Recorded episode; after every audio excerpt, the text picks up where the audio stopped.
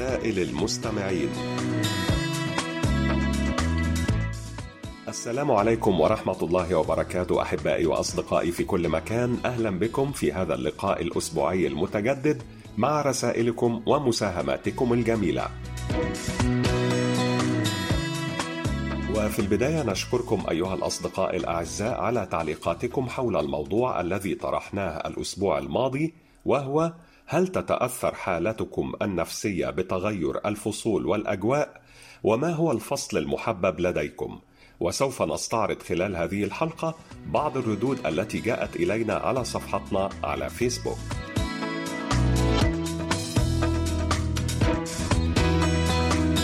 اكتبوا لنا أيها الأصدقاء على صفحة القسم العربي على فيسبوك وأيضا إذا كان لديكم مقترحات بأفكار ترغبون في مناقشتها عبر البرنامج أرجو منكم إرسالها إلى بريد القسم العربي أو إلى ركن رسائل المستمعين.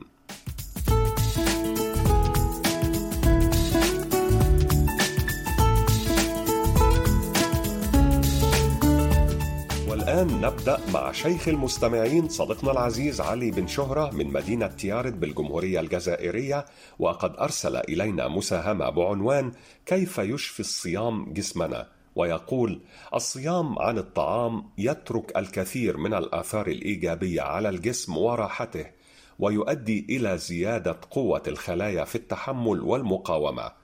كما أن الجوع يمنع حدوث الالتهابات. ومما لا شك فيه أن الامتناع عن الطعام يعمل أيضا على تخفيض الكوليسترول وضغط الدم.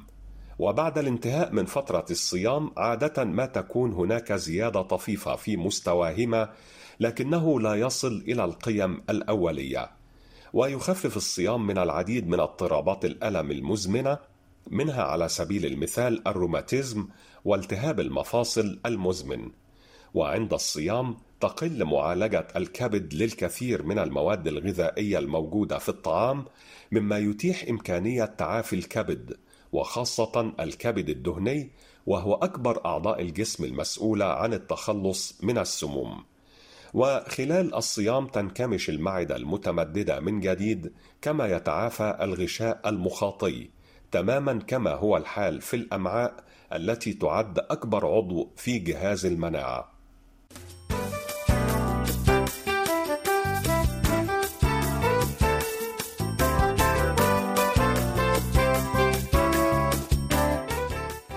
نواصل أحبائي وأصدقائي مع الصديقة العزيزة رسل عبد الوهاب من العراق ومساهمة عن تاريخ وفوائد عصير قمر الدين. تقول رسل: تذهب بعض الروايات إلى أن بداية ظهوره تعود لأكثر من ألف عام. ويقال إن تسميته تعود إلى قرية في بلاد الشام اشتهرت بصناعته.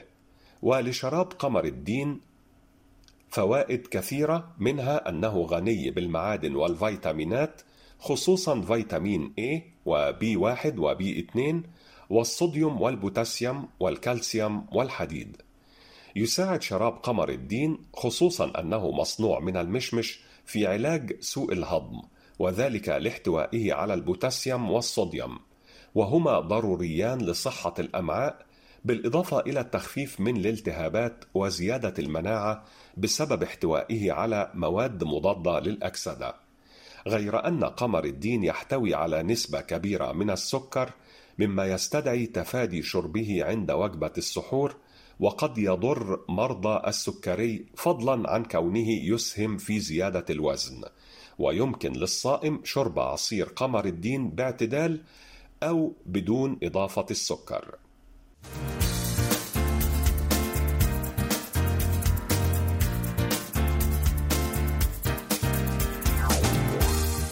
معنا الآن مساهمة من صديقنا العزيز عبد الإله إزو من مدينة الخميسات بالمملكة المغربية وهي عبارة عن حكم جميلة. يقول لكي لا تصاب بالخيبة لا ترسم في مخيلتك أن أحدهم لا يستطيع الاستغناء عنك.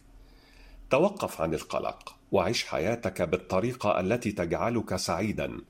وقال أحد الأدباء ينصح ابنه اكتب أحسن ما قرأت واحفظ أحسن ما كتبت وتحدث بأحسن ما حفظت. اشرب قهوتك واعتنق الصمت ولا تأخذ الناس على محمل الجد. لا تأخذ الحياة على عاتقك ولا تبالغ في عاطفتك ولا ترضي أحدا رغما عنك. القوة هي أن تعفو عن الآخرين مع أنهم لا يستحقون العفو. القوة هي إسعاد الآخر رغم قلبك المحطم. القوة هي أن تحتفظ بهدوءك في لحظات اليأس.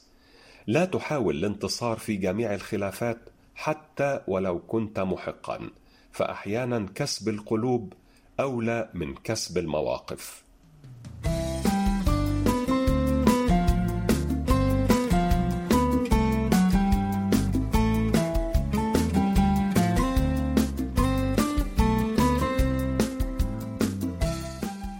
مساهمة طريفة من مستمعنا الوفي حمزاوي محمود حمزاوي وعنوانه جمهورية مصر العربية أسوان صندوق بريد 279 وتحت عنوان من لطائف أخبار العرب كتب يقول يروى أن رجلا كان يسعى بين الصفا والمروة راكبا فرسا وبين يديه العبيد والغلمان توسع له الطريق ضربا للناس. فأثار بذلك غضب الناس وحملقوا في وجهه وكان فارع الطول واسع العينين. وبعد سنين رآه أحد الحجاج الذين زاملوه يتكفف الناس على جسر في بغداد. فقال له ألست أنت الذي كنت تحج في سنة كذا وبين يديك العبيد توسع لك الطريق ضربا؟ قال بلى. فقال فما صيرك إلى ما أرى؟ فقال له إنه تكبر في مكان يتواضع فيه العظماء فأذله الله في مكان يتعالى فيه الأذلاء وسأل العتبي إعرابيا ما بال العرب سمت أبناءها أسدا ونمرا وكلبا وسمت عبيدها مباركا وسالما. فقال لأنها سمت أبناءها لأعدائها وسمت عبيدها لأنفسها.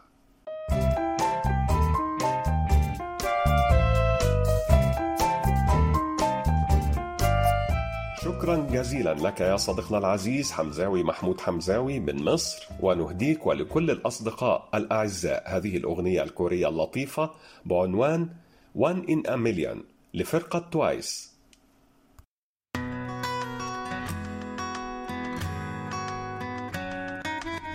You gotta know that you're one in a million. 짜증이 계속되는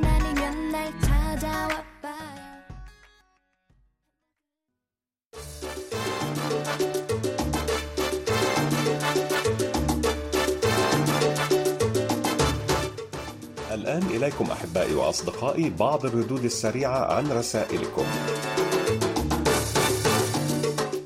أصدقائي الأعزاء أدعوكم جميعا لإرسال تسجيلاتكم الصوتية التي تحتوي على مساهمات أو كلمات كتبتموها بأنفسكم أو مقترحات أو أفكار تريدون توصيلها عبر البرنامج. ألف شكر لك يا صديقنا العزيز معالي مؤمن من الكاليتوس بالجزائر حيث تقول تخيل أن ثلاثين يوما هي شهر رمضان المبارك تغير حياة الإنسان تماما وتكون روحه وكأنها قد ولدت من جديد نقية كنقاء الماء وبريئة كبراءة طفل لطيف ومطمئنة كاطمئنان ابن في حضن أمه. فعندما تسمو الأرواح بمضاعفة التقرب إلى خالقها تتحسن العقول والأجساد فيشعر الإنسان بأنه يخلق من جديد. فاللهم تقبل محاولاتنا واغفر زلاتنا واكتب لنا الخير والسعادة.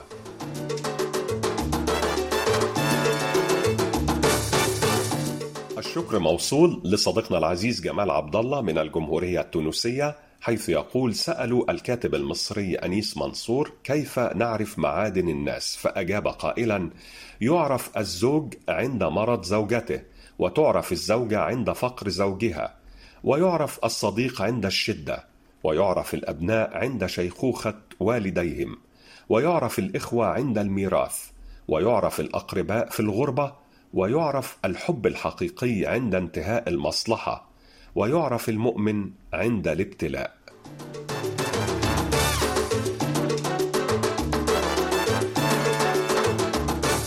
ومشكورة يا صديقتنا المخلصة وراصدتنا الرسمية أوج شيماء من العاصمة العراقية بغداد على هذه الحكم الجميلة. بعض الخسارات لا تهم ولكن حاول ألا تخسر من يحبك دون مصلحة فالقلوب الطاهرة يصعب تعويضها لأنها من النعم. وتكون النعم أكثر وضوحا كلما قلت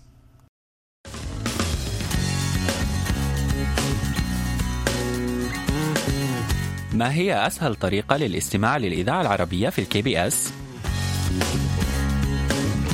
كل ما عليكم القيام به الدخول من الموبايل على Apple Store أو Google Play والبحث عن تطبيق KBS World Radio وتحميله ولا تنسوا اختيار اللغة العربية للاستماع إلينا على مدار الساعة. تابعوا جميع برامجنا وسنكون معكم 24 ساعة.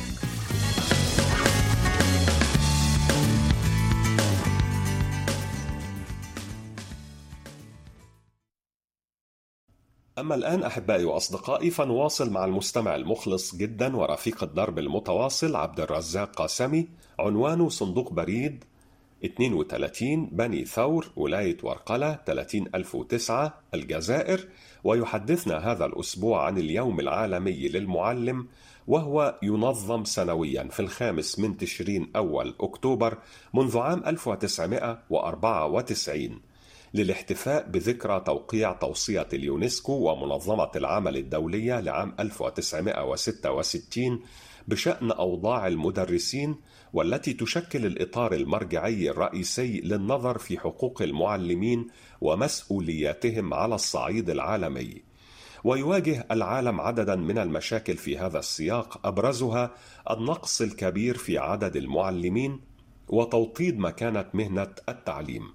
ووفقا لمعهد اليونسكو للإحصاء فإن العالم بحاجة إلى 69 مليون معلم إذا ما أردنا تعميم التعليم الابتدائي والثانوي حتى عام 2030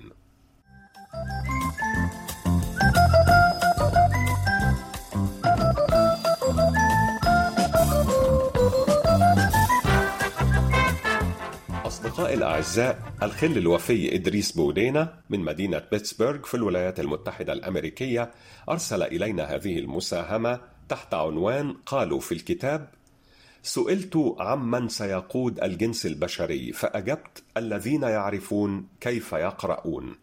فولتير أن تقرأ يعني أن تجد الصديق الذي لن يخونك أبدا.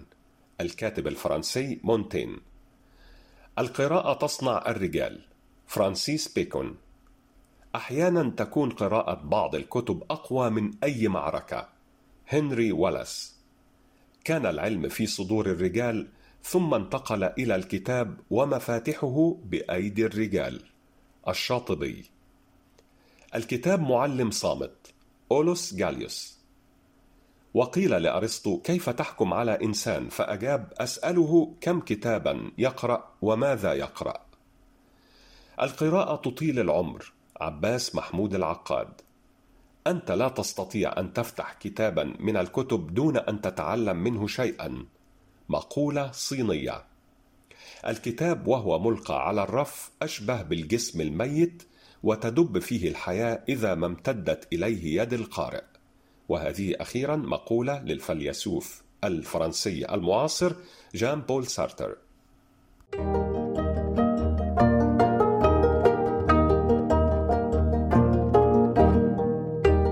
قضية الأسبوع. وموضوع هذا الأسبوع هو هل تتأثر حالتكم النفسية بتغير الفصول والأجواء؟ وما هو الفصل المحبب لديكم؟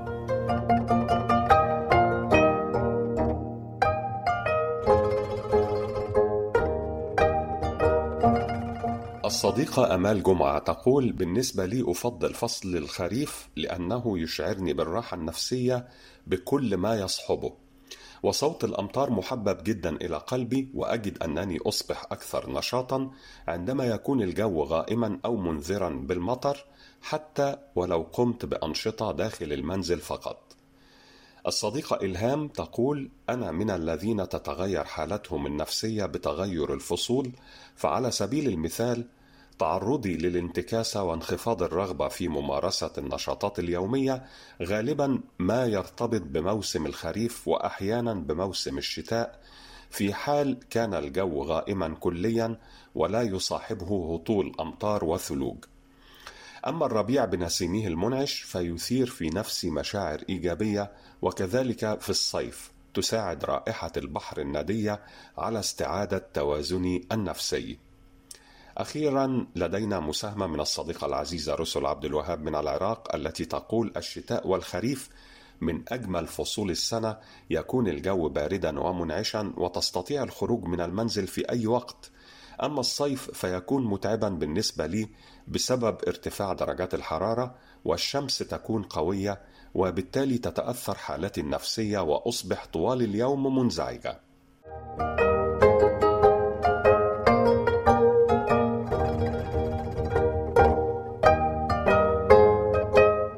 ألف شكر لكم أيها الأصدقاء الأعزاء على كل مشاركاتكم القيمة وننتظر منكم المزيد من المشاركات المفيدة والجميلة وسوف نواصل معكم بعد قليل.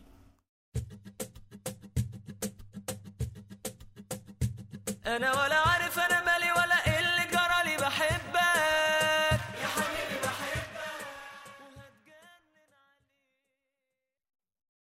ومعنا الآن مساهمة من مستمعنا وصديقنا العزيز محمد بودوخة من الجزائر عن الصيام ويقول: الصيام سلاح يعمل في الخفاء. وفي أثناء تجوالي في بعض المواقع الطبية والعلاج الطبيعي وجدت أكثرهم يؤكد على أن أفضل طريقة لعلاج الكثير من الأمراض هو الصيام. ووجدتهم يطلقون الصيحات والنداءات للناس لكي يعتمدوا على هذه التقنية الرخيصة وذات الفوائد الكثيرة. وتذكرت نعمة الله علينا نحن المسلمين عندما أمرنا الله بالصيام بل وجعل الصيام عبادة خاصة له سبحانه وتعالى هو يجزي بها. ويقول العلماء إن أخطر شيء يهدد حياة الخلايا في الجسم هي السموم التي تتراكم داخل الخلايا وتعيق عملها وتقلل من نشاطها. هذه السموم تمكث لفترات طويلة في الجسم ولا يمكن إزالتها. وغالبا تكون هذه السموم مسؤولة عن الشيخوخة المبكرة.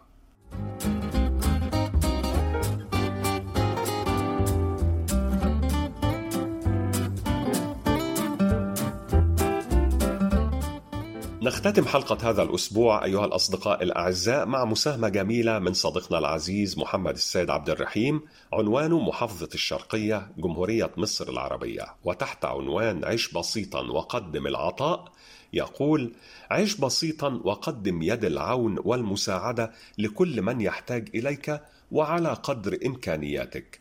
ولا تقف مكتوف الأيدي عندما تشعر أن بإمكانك تقديم الكثير لمن حولك. فالبساطة هي ألا تنظر إلى من فوقك فهناك من هو أدنى منك. انظر إليه وفكر في حاله واستمتع بأيامك بحلوها ومرها. حينها ستكتشف أن الدنيا لا تستحق منك أن تغضب وأن تحمل الهموم والأحزان بداخلك. وقدم العطاء إلى أبعد الحدود وبعفوية ومشاعر صادقة بعيدا عن التكلف. لأنك بذلك ستشعر من حولك بصدق ما تقدمه لهم. وإياك أن تتفوه دائما بكلمة سيئة ومزعجة تجرح بها من حولك. بل احرص على أن تكون دائما سباقا بالكلمات الطيبة لأنك بكل كلمة طيبة تنطقها كأنك تقدم هدية لمن حولك. واسعى لتحقيق طموحاتك وأهدافك حتى إذا لم تصل إليها. تذكر أنك اجتهدت وهذا ما كتبه الله لك. ولا تنس أن تطهر قلبك من كل الشوائب لأنك إذا حملت شيئا في داخلك فلن يتضرر منه أحد إلا أنت. وشارك دائما أحبابك همومهم وأحزانهم لأنك بذلك ستشعرهم بأن الدنيا بها قلب صادق محب ولا تزال بخير.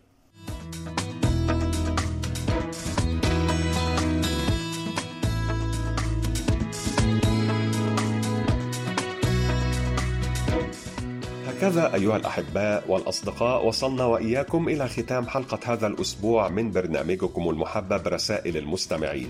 كل سنة وأنتم طيبين وإن شاء الله نلتقي في مثل هذا الموعد الأسبوع القادم. وحتى ذلك الحين إليكم تحيات مخرجة البرنامج لؤلؤة بيجونغ أوك وقمر كيم يونغ. وهذه تحياتي يسري صوابي.